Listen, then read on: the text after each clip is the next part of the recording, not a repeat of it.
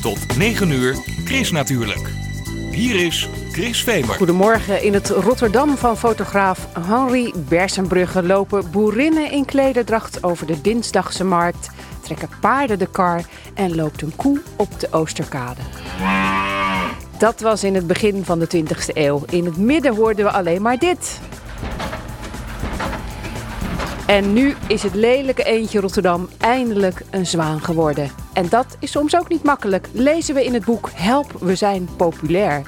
Wat zeg je als de Nederlandse vogelkalender in je, als je die in je schoen krijgt? Dank je de koekoek? In de kalender staan vreemde vogels als de rundervink, de wc-eend, de scheidlijster en het koekoekjong. Van het gezellige huiselijke koekoekjong in een boom in het park bij de Euromast door naar het avontuurlijke leven van insecten in Suriname. Je hoort er meer over vandaag in. Chris natuurlijk, met Chris Vemer.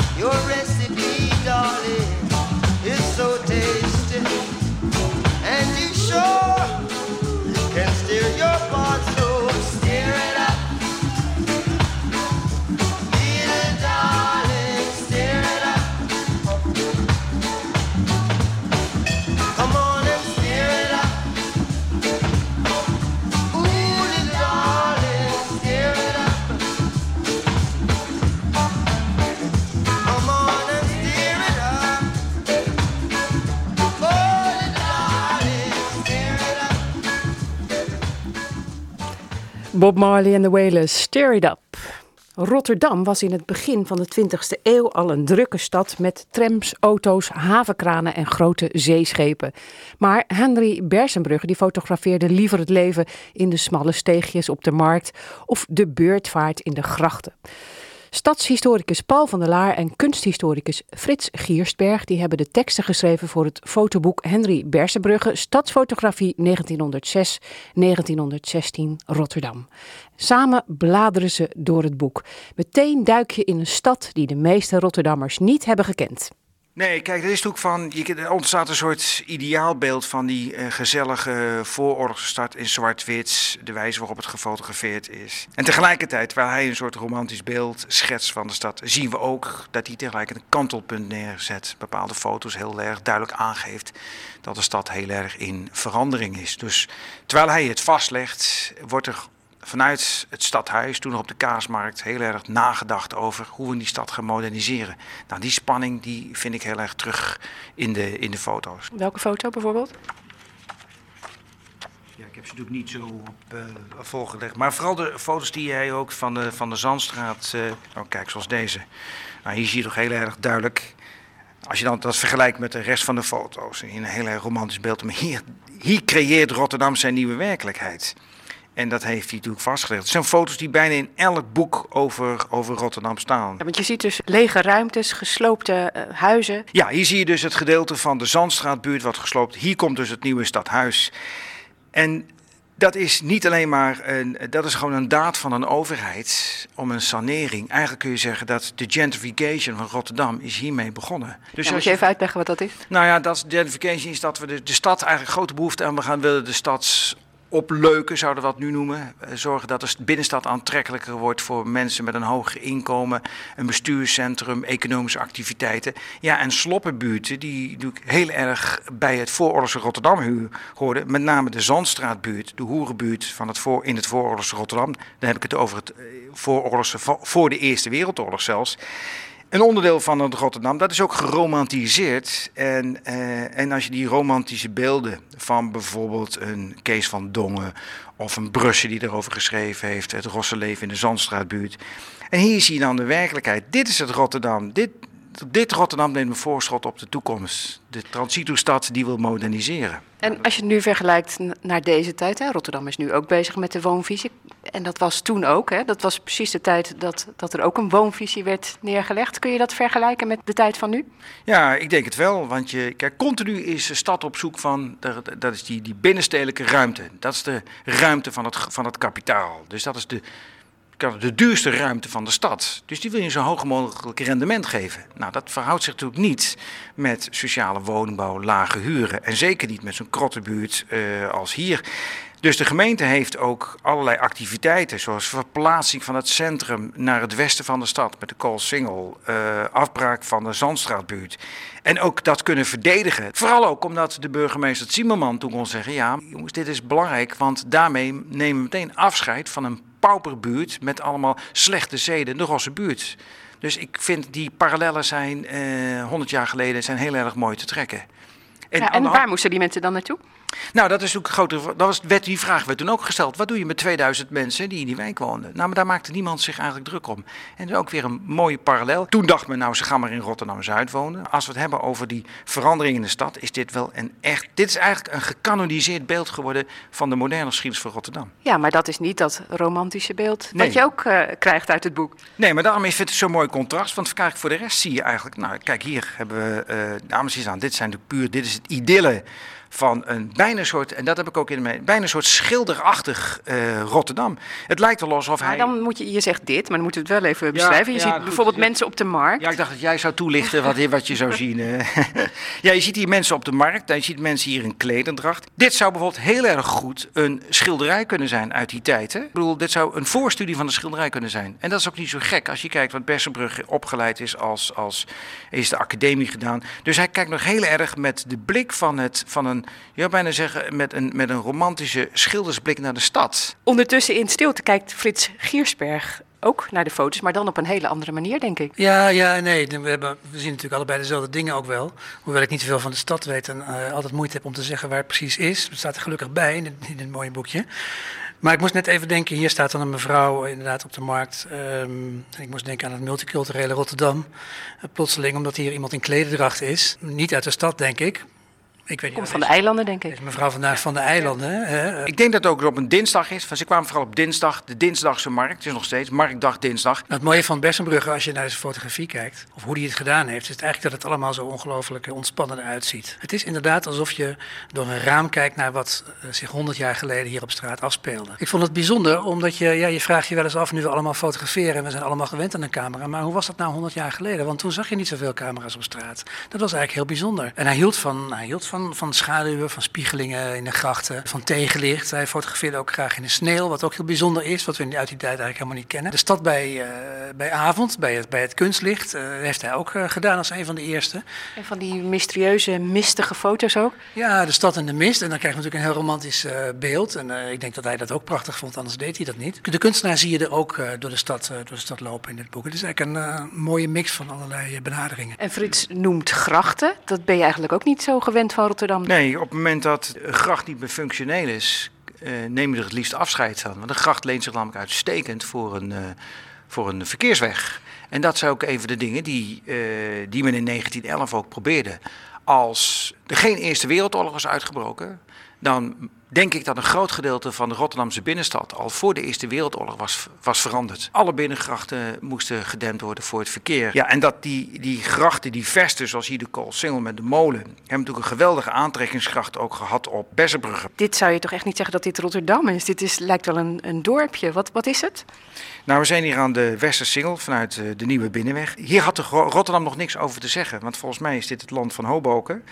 En het land van Hoboken, dat zegt al, het was van de familie van Hoboken. En eh, waar nu het, het museumpark. Dus het feit dat dat niet bebouwd is en leeg gebleven, puur omdat het, een, eh, het had nog geen bestemming, want het was niet van de stad. De stad kon het niet inrichten. Ja, dus het is echt een heel groot stuk land, een weiland. En dan op de achtergrond zie je Ja. een klein dorpje met eh, mooie kerktorens. Ja, het is het panorama van een dorpstad. Eh, maar goed, we praten hier in 1912. Dan is Rotterdam natuurlijk wel al behoorlijk aan het aan, eh, ontwikkelen. Ongeveer 300.000 inwoners. Maar de helft van het aantal inwoners wat het in 1940 had. Frits, dit ziet er ook uit als een schilderij bijna. Ja, het is natuurlijk helemaal de traditie, dat wist Bessenbrugge natuurlijk ook wel als kunstenaar natuurlijk. En de traditie van het, eh, het Hollandse landschapsschilderij. Prachtige luchten met een, met een kerkje nog ergens of een molen, met hier en daar een koe. Je ziet hier zelfs ook nog dat de zon door de wolken komt. En die beschijnt, beschijnt een deel van, de, van het weiland hier en de andere delen zijn schaduw. Dat is ook typisch eh, 17e eeuwse landschapsschilderkunst in Nederland. Dat vluchtige moment, wat even, dat licht wat even op het land schijnt en dan weer weg is. Bessenbrugge had gewoon lol. Eh, dat kan je zien in het fotograferen. En hij heeft allerlei referenties eh, naar de kunst. Eh, en, en ik zie dat ook in dit beeld. Maar het was ook een hobby van hem, dit op straat fotograferen. Nou ja, hij was natuurlijk hij was portretfotograaf. Hij had een studio eh, hier in Rotterdam, daar, maar daar verdiende hij zijn geld mee. Maar goed, hij had eh, assistenten, had twee assistenten, die dan eh, na de opname alles verzorgden en de afdruk en zo. En dan ging hij eh, lekker de straat op met een kleine cameraatje om, eh, ja, om, om dit soort beelden te maken. Dat is ook een hele mooie. Ja, dat vind ik ook fantastisch. Dit, is ook, dit zou ook een. Wij hebben in de collectie in het Museum Rotterdam een Van Voorde hangen. En dit zou dus ook een schilderij van Van Voorde geweest kunnen zijn. Met die, ja, je ziet hier die koeien. Dit is de boompjes die we hier zien? Of, eh, dat, Ja, je de ziet daar de, de Maasbruggen? Ja, je ziet de Maasbrug op achter. Dus dat is zo ongelooflijk herkenbaar. Het Witte Huis, Maasbruggen. Wat je in de 19e eeuw ook vooral nog de Laurenskerk als heel bepalend ziet. Zie je van de 20e eeuw het Witte Huis. Natuurlijk als een nieuw iconisch gebouw met de bruggen. Dus dat betekent ook dat, dat die waterkant zo ongelooflijk eh, fascinerend is. Eh, Wat doen die koeien daar dan? Dus een man die loopt daar met koeien. Ja, die gaan richting de Veemarkt in Krooswijk. Als je dan ergens naar terug verlangt, is het dit misschien wel. Hè, dat je zo ruim over het water kan kijken. Er staan zelfs een, een, een mooi hek met bankjes. eh, gewoon om daar rustig te zitten en eh, naar de Maas te kijken. Dat is natuurlijk helemaal verdwenen. Hè, dat is eh, denk ik waar Rotterdam dan later nog wel eens spijt van heeft gekregen. Ja. Van jeetje, Ja. we staan met ons rug naar, naar de Maas toe Ja. en we willen dat weer omdraaien. Ja, dat is natuurlijk ook eh, hier, de Kruiskader. Ja, wat zien we hier? We zien hier, het is in de diergaarde denk ik, in de diergaarde. En er loopt een dame in een bondmantel met een prachtige hoed eh, op. En verder zie je bijna niemand. Het is heel mooi leeg. Het is, het is is herfst, herfst, denk ik, ja. dus, eh, maar de zon schijnt. Er zitten mooie schaduwen van de takken en de bomen op de, op de... Het is een beetje nevelig. Ja, dat is toch echt, eh, echt wel een nostalgisch beeld. En ook, niet vergeten, dit is de dierengaarde, maar het was ook toen een elite-evenement. je moest lid worden, je moest geballoteerd worden. Dus na de oorlog, met steun van Volkskracht, is het eigenlijk pas een echt een dierentuin geworden voor, voor, voor, je- voor iedereen. Het heeft inderdaad wat mooi. Het is bijna een soort, een soort stadspark voor de gegoede burgerij. Zo ziet het er ook uit. Eigenlijk prachtig, prachtig beeld. Zo on-Rotterdams eigenlijk. Hè? ja. ja. Henry Bersenbrugge, Stadsfotografie 1906-1916, Rotterdam. Het is samengesteld door Joop de Jong, uitgegeven bij Diafragma en in de winkel kost het 22,50 euro. Er is één luisteraar die dit mooie boek kan winnen. Bel snel 010 436 4436, dan maak je kans. En dit was natuurlijk het Rotterdam dat niet meer bestaat. Straks hoor je over het Rotterdam waarvan we eigenlijk nog maar nauwelijks kunnen geloven dat het bestaat. En tussenin dit lied van Mike Baudet over het Rotterdam zoals we dat toch het beste kennen. Ja, mensen, het is tijd voor een gezellige potpourri over Rotterdam. La la la la. Rotterdam, met je huizen. Rotterdam, met je stoel. Rotterdam, met je wijken. Rotterdam, Rotterdam, met je kruispunten. Rotterdam, met je vluchtheuvels. Rotterdam, met je elektriciteitsnet. Rotterdam, met je dingen. Rotterdam, Rotterdam, met je stad. Rotterdam, eigenlijk het Rotterdam van Zuid-Holland. Eh, Ja, waar kan je bepaalde dingen kopen? Onder andere in Rotterdam. Waar kan je iemand op zijn muil slaan? Onder andere in Rotterdam, maar ook in Den Haag. Ja, en waar kan je de zaak nog even aankijken? Onder andere in Rotterdam. Waar heb je soms ineens van? Ja, onder andere in Rotterdam. Rotterdam, het Breda van Zutphen. En dat was het Rotterdam van cabaretier Mike Baudet. Rotterdam van nu, waar je in de rij staat voor een woning, waar de huizenprijzen stijgen, waar steeds meer toeristen komen en steeds meer gebouwen prijzen winnen. Vers Beton, het online tijdschrift voor de harddenkende Rotterdammer, die heeft een boek uitgebracht met de titel Help, we zijn populair. Een bundel met verhalen die de veranderingen in de stad vastleggen. Want volgens de makers heeft de bloei van Rotterdam ook een keerzijde. Chris natuurlijk, die maakt een wandeling door de stad met de makers van het boek Seré Mandias en Eva Liuku. Ze beginnen natuurlijk bij de Markthal. Wat vinden zij van dit gebouw? Ik ben wel fan, Ja. maar ik, ik vind het vooral interessant omdat het zoveel losmaakt bij iedereen. Iedereen heeft er een mening over. En sommige mensen die eh, zijn heel erg tegen, want het is echt juist een voorbeeld van, soort van alleen maar voor juppen of voor rijken. Een voorbeeld van een soort van ongelijkheid in de stad. En aan de andere kant zijn er mensen die zeggen van ja, maar dit is echt... Nou ja, je had heel lang de slogan, hoor, hier bonkt het nieuwe hart van de stad. En voor sommige mensen is dit echt ook een symbool van, nou ja, dat de stad steeds verder afkomt.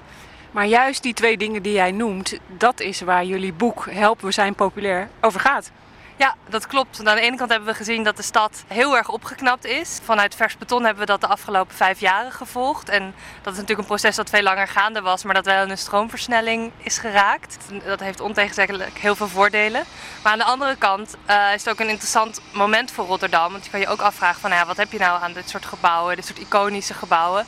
Is dat wel voor iedereen in de stad? Eh, of is dat alleen maar voor de happy few die eh, kunnen betalen om hier de boodschappen te doen? Ja, en moet dat wel voor iedereen zijn? Ook dat, inderdaad. Het is natuurlijk heel erg ook beleid van de gemeente om in te zetten op nou ja, dit soort gebouwen. Om ook Rotterdam op de kaart te zetten. Om investeringen aan te trekken en toeristen aan te trekken. En eh, dat is zeker gelukt de afgelopen jaren. Zullen we een stukje gaan lopen hier? Want dit plein, dat ziet er ook heel anders uit dan het eruit zag. Het was natuurlijk eh, een heel grijs en grauw eh, desolaat plein. En ze hebben dus nu besloten om het opnieuw in te richten. Om het eh, nou ja, ook wat knusser te maken. Mooiere straatstenen, meer groen. En in die zin past het ook heel erg bij de, ja, eh, het beleid de City Lounge. Hoe eigenlijk de hele binnenstad eh, nu ja, wordt eh opgekalefaterd. je zou ook wel kunnen zeggen, er wordt een facelift ondergaan. Uh, vroeger had, was de Rotterdamse binnenstad natuurlijk onbekend dat het nou ja, ook best wel veel lelijke plekjes kende. Uh, dat het best wel een beetje een rauwe binnenstad was, waar bezoekers zich soms een beetje verloren voelden. En uh, ja, met dat idee van de City Lounge willen ze echt gasvrijheid uitstralen, naar naar, ook naar buitenstaanders toe. Dat is natuurlijk heel goed, maar wij merkten ook op Vers Beton en ook in het boek staan een aantal stukken van mensen die daar eigenlijk een beetje aan moeten wennen. Bijvoorbeeld uh, Peter van Heemt, hij is uh, politiek columnist voor Vers Beton. Hij heeft ook een artikel geschreven in het boek. En hij beschrijft hoe hij in eerste instantie eigenlijk heel kritisch was over hoe bijvoorbeeld de meent werd opgeknapt. Dat hij dacht, nou moet het nou allemaal? En uh, het was toch eigenlijk goed zoals het was. Maar dat toen de nieuwe uh, stoepen er kwamen en het nieuwe straatmeubilair, dat, hij eigenlijk, dat zijn kritiek als sneeuw voor de zon verdween. En dat hij toch wel moest toegeven dat het heel mooi was. Maar in het boek wordt ook een verhaal genoemd van... Ja, je voelt je dan alsof je favoriete underground bandje ineens in Ahoy staat. Ja, dat is meer in het algemeen de, populariteit van Rotterdam. Uh, kijk, wij Rotterdammers moesten natuurlijk heel vaak op familiefeestjes buiten de stad uitleggen... waarom we eigenlijk vrijwillig in deze stad bleven wonen. Want ja, je moest wel gek zijn om in Rotterdam te wonen. Ik heb het ook, uh, ik heb in Amsterdam gestudeerd. Uh, tien jaar geleden. En toen uh, keken mensen mij ook nog een beetje meewarig aan van... Ach, arm kind, dat jij in Rotterdam woont. Uh, nou, en dat is er niet meer. Dus... En dat vind je jammer? Uh, nee, dat vind ik niet jammer, maar het is wel even wennen. Wat heb jij met Rotterdam? Ik ben tien jaar geleden hier komen wonen. En ik ben architect, dus ik werd heel erg aangetrokken door het feit dat, hier, dat je hier zoveel experiment hebt met hoe de stad ontwikkeld wordt en de gebouwen die er neergezet worden.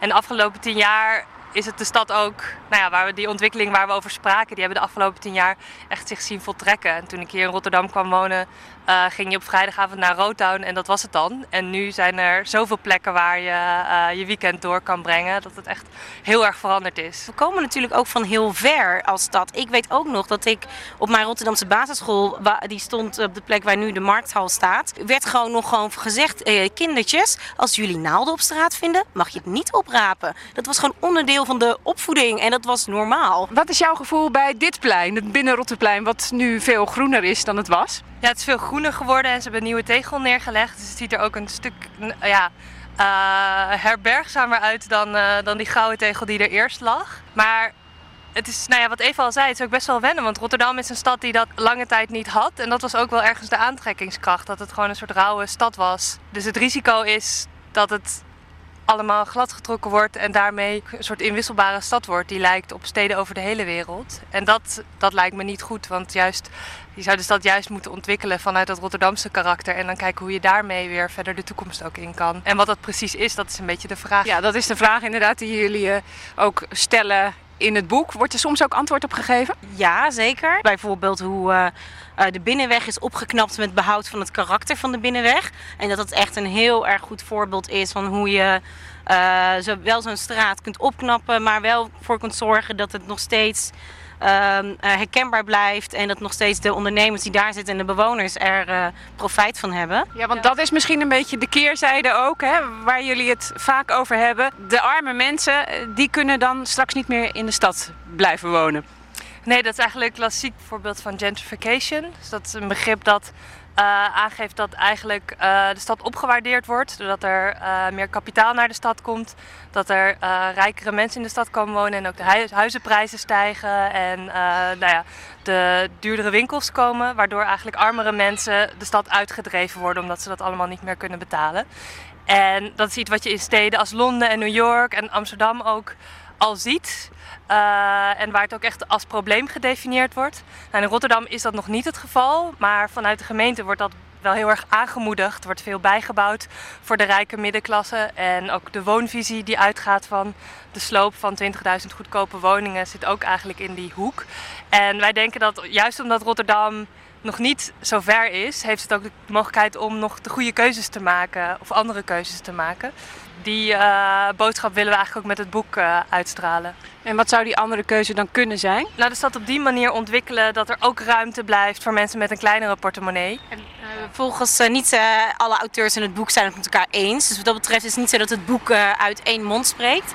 Uh, en we hebben ook een van de auteurs, Geert Maarsen, die zegt... Uh, nou, eigenlijk uh, kan het wel een beetje sneller gaan, die gentrificatie in mijn wijk. Ik kan nog steeds geen goede koffie drinken.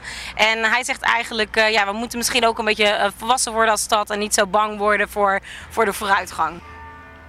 Help, we zijn populair. Rotterdam, stad in verandering. Het is uitgegeven door NAI 010. Het kost 19,95 euro. Chris Natuurlijk. De weekendbijlage. En wat staat er in de weekendkrant over groen, natuur en milieu? Je hoort het in het overzicht. Ik lees het samen met Martin van der Boogaard. Martin, goedemorgen. Ja, goedemorgen Chris. In uh, Fukushima, daar waait een nieuwe wind, kopt de weekendbijlage van de Volkskrant in een reportage over energie in Japan. Na de kernramp probeert Japan het in Fukushima met drijvende windmolens. Dat is weer eens wat anders dan een uh, drijvende boerderij voor koeien. In Trouw een reportage over Spitsbergen bij de Noordpool. Het is er gevaarlijk warm. Modderlawines joegen deze maand 259 inwoners op de vlucht. De klimaatverandering is dagelijks zichtbaar. De vijfduizendste Rotterdamse wagen met subsidie is naar de sloop gebracht. Het AD Rotterdams Dagblad vraagt zich af of de sloopregeling van Rotterdam, die bijna 11 miljoen euro heeft gekost, ook schone lucht oplevert. Na paarden en honden en dit jaar ook arenden die drones uit de lucht plukken, heeft de politie weer een nieuwe diersoort toegevoegd aan de brigade ratten. De speciaal getrainde ratten gaan de politie helpen bij het opsporen van illegaal vuurwerk. Je leest erover in het AD. En de Telegraaf is mee op reis gegaan met luipaard Bakari. Bakari verhuisde van opvang Panterra in Friesland naar een nieuw verblijf in Zuid-Afrika. In Friesland werd hij omringd door leeuwen, dieren waar hij in de vrije natuur voor op de loop zou gaan. Dat was Martin van der Boogaard met het groene nieuws uit de weekendkranten. En we gaan door met het weerbericht. Dat krijgen we van Leen de Koning. Leen, goedemorgen. Chris, hele goedemorgen. Het was lekker fris vanochtend, vond ik, op de fiets. Ja, de temperatuur die is weer uh, op veel plaatsen in het Rijnmondgebied tot onder nul gedaald. Zelfs Hoek van Holland had net een minimumtemperatuur van min 0,2. Op onze luchthaven min 2,3. En het was alweer de zevende nacht in deze maand dat uh, op uh, 16 over de temperatuur onder nul is gekomen. Dus toch wel bijzonder, omdat de afgelopen jaren vaak in november helemaal geen vorst voorkwam. Nou, vandaag, we zijn dus weliswaar koud begonnen aan deze dag, maar we krijgen toch een hele fraaie najaarsdag, want het is natuurlijk nog steeds herfst. We hebben veel zon. In de loop van de dag zien we wel wat uh, sluierbewolking, misschien een paar wolkenvelden. Maar toch een overwegend zonnige en uiteraard ook droge dag. Nou, temperatuur die is natuurlijk niet zo hoog, want ja, die moet uh, heel langzaam oplopen. Het wordt vanmiddag zo rond de 5 graden en er staat maar weinig wind. Een windkracht 2 tot 3 en de wind waait dan uit een noordoostelijke richting.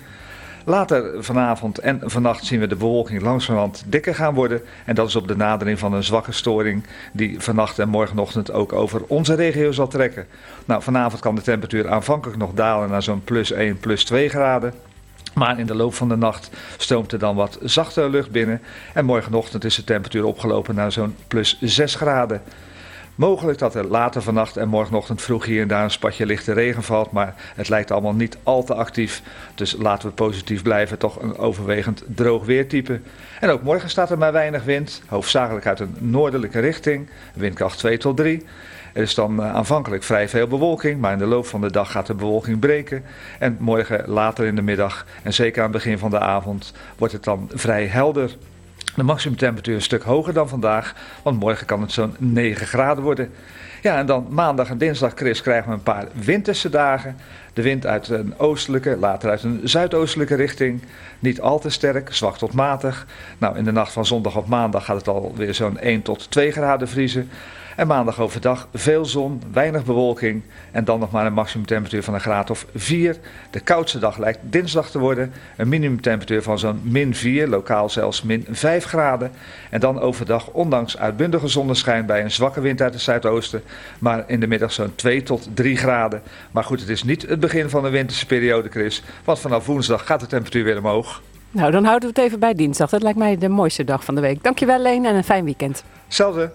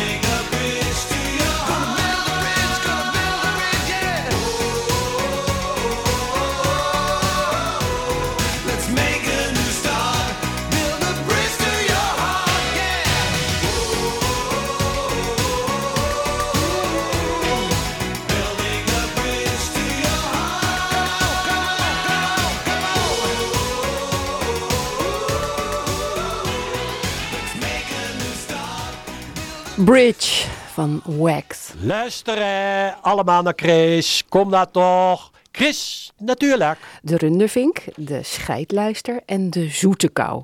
Het zijn vreemde vogels in de Nederlandse vogelkalender 2017. Nederlandsje met SCH. En dat is geen spelfout, hoort eh, Chris natuurlijk van de Rotterdamse ontwerper en bedenker van deze kalender, Theo Seesing. Nee, helemaal niet. Het is een aanleiding van het, uh, het boek, wat uh, pas weer in facsimile druk is uitgegeven, in herdruk is uitgegeven. En dat boek van Nozeman en Sepp uit pak een beet 1800, dat heette ook Nederlandse Vogelen. Ja, en dat is echt een heel beroemd boek. Ik geloof het, het duurste ook in de geschiedenis van de boekdrukkunst, heb ik wel eens gehoord.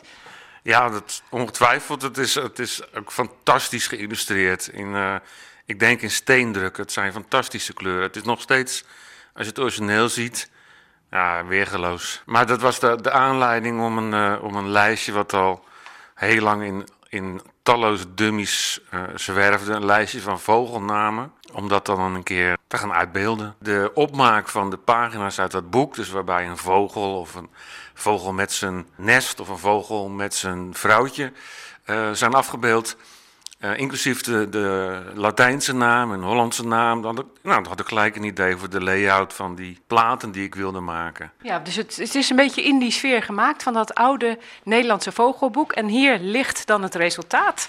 De prachtige Nederlandse vogelkalender 2017. Nou, we beginnen met de huismus.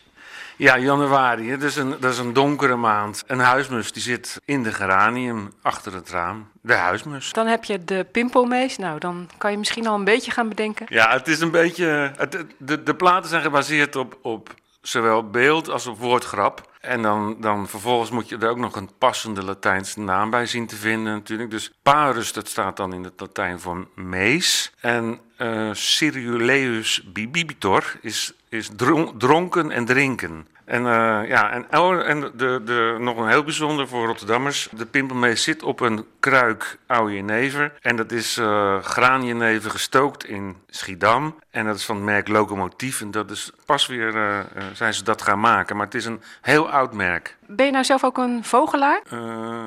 nou, alleen als ik ze op het bord heb. Nou, daar staan er ook een paar van in. Hè? Tenminste, bijna ja, op ja, je bord. De ja. rundervink. De rundervink natuurlijk en uh, de soepkip. Maar jij hebt dus eigenlijk niks met, met vogels in de natuur? Nou, als ik achter het raam zit en ik kijk naar buiten, vind ik het prachtig. Zo'n koolmeesje, ja, supermooi. Maar pff, ik ga niet met een verrekijker de biesbos in. En boven jouw hoofd hangen een paar koekoeksklokken?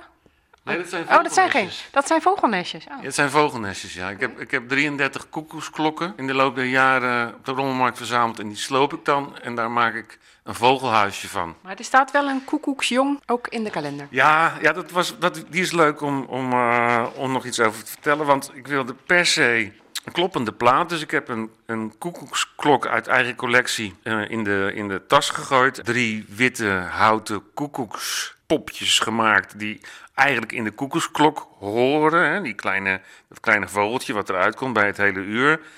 En dat, dat geheel vervolgens met een ladder naar het uh, en dan de koekoeksklok in de boom hangen en het vogelnestje op het tak zetten.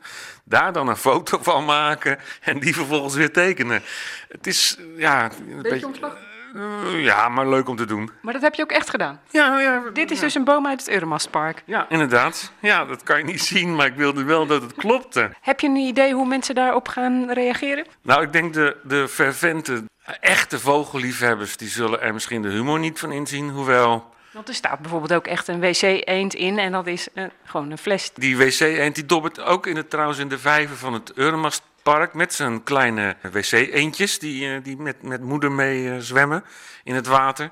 Ja, dus zeg je echte vogelliefhebbers die zullen er misschien wat moeite mee hebben? Ja, en aan de andere kant uh, de grootste vogelliefhebber van Nederland, Kees Moeilijker van het Natuurmuseum, die moest er wel om lachen. Dus ja, je moet er een beetje, je moet het gewoon niet altijd al te serieus nemen. En straks ook nog te zien daar in het Natuurhistorisch Museum, de tekeningen. Ja, half december gaat de gaan er twaalf platen in, het, in een zaaltje van het Natuurhistorisch Museum in Rotterdam geëxposeerd worden. Ja. De Nederlandse Vogelkalender 2017, uitgegeven door Trigis. Het kost 15,95 euro, maar er is één luisteraar die de kalender kan winnen. Dan moet je bellen 010 436 4436. Dan maak je kans en je moet hem wel zelf komen ophalen. Hij wordt niet opgestuurd.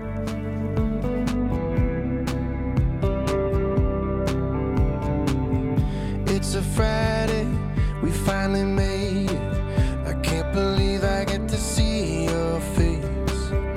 You've been working, and I've been waiting to pick you up and take you from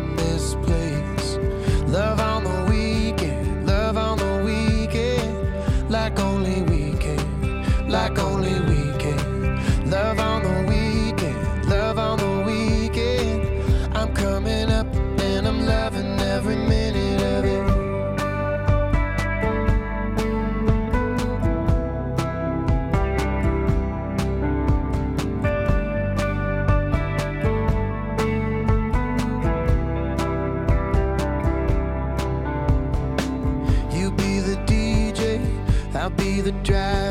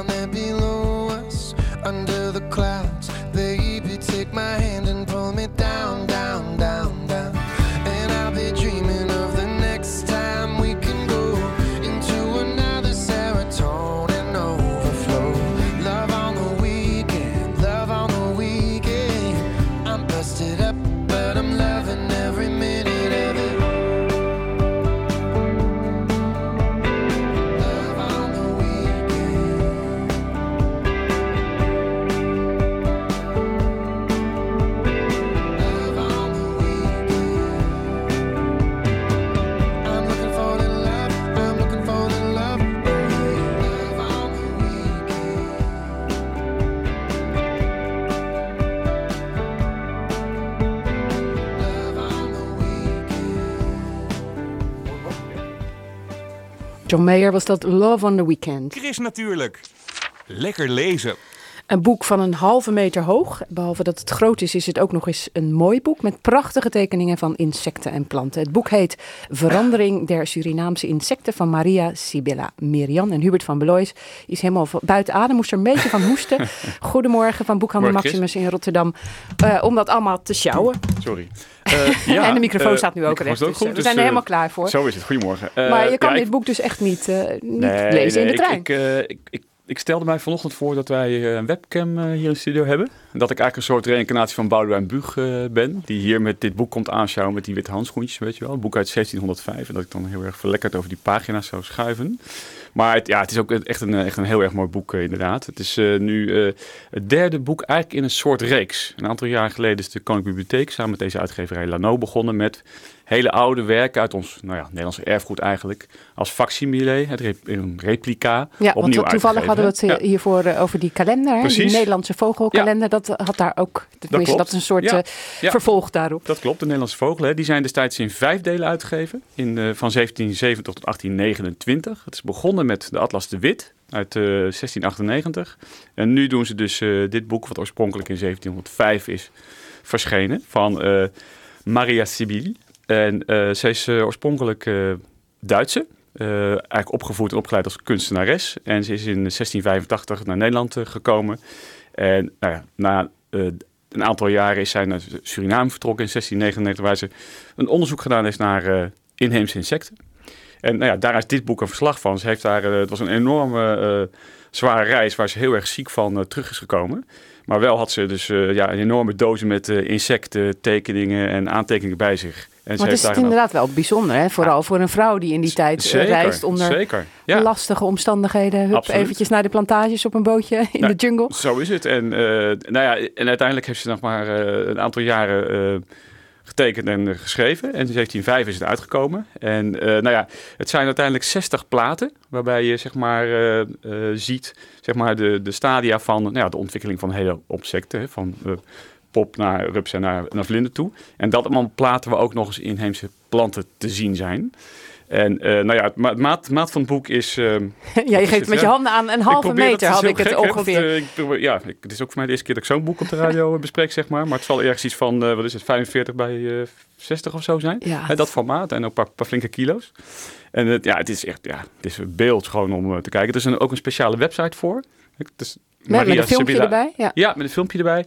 Het is, als je even googelt op merian.nl, dan vind je dat wel. Dan kun je ook een aantal Of gewoon Surinaamse insecten. Ja, Surinaamse insecten. Of gewoon naar de mooie naar de boekhandel komen kijken, want er ligt natuurlijk overal.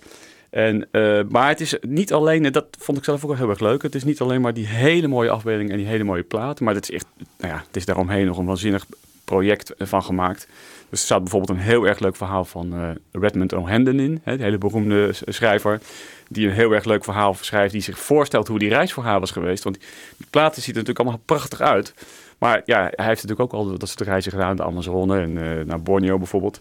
Hij zegt, ja, die vrouw moet toch ook vreselijke ontberingen in die tijd in die jungle gehad hebben. Je, dat bloederige toestanden. En dat, is heel grappig. Dus ja, hij had dat kleine beeld. Hij maakt het wel iets minder romantisch dan je misschien op basis van die eh, platen maakt. Maar ik vraag me dan af, zou ze dan ook hè, die tekeningen mee hebben genomen? Of ging ze dat dan thuis doen? Ja, hoe, hoe werkt dat precies? Ja, dat, dat, het bizar is dat ze dat dus eigenlijk niet weet. Maar hij, ja, hij, hij heeft dat vanmiddag meer gekeken. Nou, ja, hij zegt dus, ja, het kan niet anders dan dat ze dit toch op zijn minst in een stevig, betonnen, mooi afgesloten huis heeft gemaakt. Want het is, het is, is gewoon anders niet aan te werken. Dit, anders moeten die tekeningen allemaal bloederig zijn. En dat de verf moet uitlopen. Het is wel grappig dat hij dat op die manier eh, bekijkt. Ja, want Mark hoorde ook wel dat ze het later heeft uh, ingekleurd. En samen ook met haar dochters. en dat, je, dat de kenners die konden zo zien wie, of zij het had gedaan Zeker. of de dochters. Omdat ze zo goed Klopt, en ze heeft, uh, dat, dat, dat, is ook zo. Dat, zij is dan vooral toch heel erg van de, de, insecten en de reptielen en amfibieën. Dat is dan blijkbaar veel meer van haar dochters.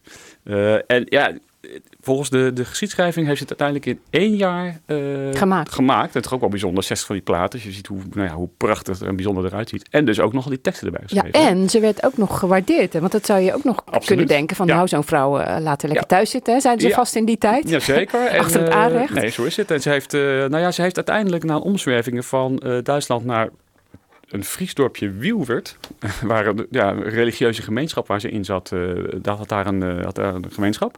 En van daaruit is ze uh, naar Amsterdam vertrokken. Want ze is wel, ook uit de biografie die er ook heel uitgebreid in het boek staat, is ook wel heel zakelijk opgegroeid. Dus ze had wel degelijk ook een zakelijk instinct. Dus trok ook naar Amsterdam toe. En Amsterdam was ja, in die jaren de plek voor, uh, nou ja, sowieso natuurlijk... kunstenaars? De, kunstenaars, natuurwetenschappers, verzamelaars, rijke mensen. Dus daar staat ook wel haar publiek. Dus was, in die zin was ze er ook wel heel duidelijk zakelijk en uh, ingericht. En uh, nou ja, op die, vanuit die religieuze gemeenschap kreeg zij dus uh, allerlei jaren vanuit Suriname, want daar zit ook een deel van die gemeenschap, want zo is het ontstaan een beetje, kreeg zij eigenlijk allerlei nou ja, dingen opgestuurd. En daar is toch blijkbaar wel haar liefde ontstaan voor dat verzamelen en onderzoeken en schilderen. En zo is ze uiteindelijk naar Suriname vertrokken. Dus dat is ook wel een mooi verhaal uh, van, het, van het boek. En er staat ook nog een heel groot stuk in, dat, dat, dat maakt het boek alleen maar rijker, waarin eigenlijk haar hele omgeving ook wordt besproken. Dus alle mede-natuurwetenschappers uit die tijd. En je krijgt een heel erg mooi beeld van die tijd en nou ja, daar ze ook in geplaatst wordt. En, en, uh, had ze het bij het rechte eind? Want dat is natuurlijk ook ja, vraag, er staat ook wel een bioloog in die, die wel... Uh, ja, als je goed leest, eigenlijk door de tekst heen... En natuurlijk houdt ze heel erg overeind. Dit heeft natuurlijk absoluut zijn biologische waarde... Hè, ook naar de maatstaven van deze tijd. Maar het, het grappige is dat zeg maar, ook wel toch in dit boek uh, gezegd wordt van ja, eigenlijk zijn die eerdere twee boeken van haar, uh, die over vooral rupsen gingen in Europa, eigenlijk biologisch interessanter en beter. Maar ja, ze snappen, ze zeggen ook wel heel erg, ja, dit heeft ook absoluut wel een waarde in zijn compleetheid. En Nou ja, ik, ik las heeft. bijvoorbeeld hè, dat, zij, eh, dat de mensen in die tijd dachten dat insecten ontstonden door de aarde. Dat die gewoon uit het Ja. niets uit de aarde kwamen. Om- en zij heeft dat wel even Zeker, rechtgezet. zeker om, eens, om, iets, eh, om, eens iets te noemen. Hè. Dus, eh, maar ja, dat is ook wel. eh als, als, als ik een heel klein stukje voorlezen van Als je hoe het- zij het als het- omschrijft. als Ik het lukt met zo'n groot eh, boek. Een beetje richting camera te schuiven. Op camera, camera, ja. te schuiven. Dus hier, eh, nou, op een van de, van de hele mooie platen, eh, heeft ze het dan over dit poppetje. Was zeer onrustig, alzo dat zij zich gestadig omsmeet, het welk een kwartieruur duurde. Des 20 augustus 1700 kwam een grote uil daaruit die zes oranje-gele vlakken op het lijf had, welke vier vleugels en zes voeten zwart en curieus gestippeld waren. Nou, en Zo dat, gaat dat het is het, dus, het ja. taalgebruik. Je kunt het vrij makkelijk lezen hoor. Het Ja, maar het, is, het gaat ook natuurlijk heel veel om de platen, inderdaad. Het gaat om de en wordt dat platen nou en, nog eh, een beetje verkocht, zo'n boek? Eh, nou, het is tot nu toe, het is nu denk ik eh, een maandje of anderhalf uit ongeveer. Het heeft e- eerlijk gezegd, eh, als je die toch zo vraagt, wat minder impact dan bijvoorbeeld nou ja, vorig jaar dat Sepp en Ozeman, het vogelboek waar je net aan refereerde, wat natuurlijk ook echt fameus eh, was. En ook die Atlas de Wit, zeg maar. Dus dit is wel voor een wat kleinere groep liefhebbers. Maar ik moet wel zeggen eh, dat ik me er toch gelukkig voor deze uitzending veel meer in verdiept heb. En je ziet toch wel veel meer dan alleen die platen. Dus het tijdsbeeld, eh, de hele omschrijving van... Er is een hele nieuwe determinering gemaakt van alle eh, insecten en planten. Dat is echt ook heel bijzonder naar deze tijd toe gehaald. En ja, wat ik ook wel heel erg leuk vind, en volgens mij vinden het verzamelaars ook wel heel grappig. Er staat een, schijnbaar, hoop ik tenminste, een complete lijst in waar alle kopieën, min of meer complete, soms ook oncompleet, over de hele wereld nog Te vinden zijn, zijn. van haar echte Ja, tekeningen. Ja, Ja, Dat, dat vind ik nou heel leuk om daar doorheen te bladeren. Dat vind ik echt een buurachtig eh hobby om dat ja. helemaal door te zoeken. Vijf in Nederland, toch maar. Maar bijvoorbeeld Maar- heel veel in Amerika en eh, twee in Den Haag, twee in Leiden en één in Utrecht. Ik weet, in Den Haag, nou, KB kun je natuurlijk zeker wel bekijken. Ik weet niet precies eh, of je dat... Je kunt er natuurlijk nauwelijks bij, bij dit soort dingen. maar goed, dan eh, heb je ja, dit, dit boek nog met... Ja, dit is me heel mooi. Het is Ook heel, ja, prachtige omdat het dus een tekeningen. facsimile gaat. Dus het is, ja, de druk is wel zo goed mogelijk op het origineel natuurlijk gemaakt. En ja, het is fascinerend. Het is niet goedkoop, 99 euro. Maar ja, het is echt wel een, het is echt een kerstcadeau. Nou, voor, ik moest het nog eventjes hebben Ja. over, maar dat gaat denk Ja, ik niet met zo'n zo'n hè, handschoentjes uit. Laten we het Handschoentjes dan. uit. Ja, want we hebben niet zoveel eh, tijd meer. Nee. Laten we dat dan een andere keer doen. Nog dat boek van AFTH van der Ja, Heijden. ja. Dat, dat nieuwe boek, deel 7 in? Nee, deel 6. Ja, ik, ga, ik zeg alleen maar heel erg kort dat dit voor mij de aller, allergrootste is. Dus dat kan nog niet in een minuut. Doen we Nee, keer. zeker niet. Maar dan kun je misschien wel, want we hadden het over dat eh, dit boek van die Surinaamse insecten, dat eh, kan niet in de trein. Maar wat wel in de trein kan, dat zijn eh, schrijvers. En ze komen vanmiddag op het Rotterdam Centraal Station. Een heleboel schrijvers. En ook eh, onze Johan Derksen komt Ja. daarbij, want eh, die is ook uitgever. Precies. Vanaf 12 uur hè, op het Centraal Station vanmiddag. Zoals de krant zegt, een bond gezelschap signeert boeken. Eh René van der Gijp, Jan Boskamp, Thomas Dekker, Johnny Rep, Michiel van Esmond. Nou, het wordt de moeder aller CIS-sessies. Eh, daarvoor en daarna mogen ze wel ook gewoon naar mijn winkel komen. Maar eh, voor deze sessie is wel erg leuk. Dankjewel Hubert van Belois van Boekhandel Maximus in eh, Rotterdam Hillegersberg. Dit was Chris Natuurlijk, een programma van Chris Vemer, Peter Konings, Martin van der Boogaard, Bianca Put en Roeland Kuppers. Die werkten mee vandaag. En straks veel plezier met muziek voor volwassenen en Johan Derksen. Fijn weekend.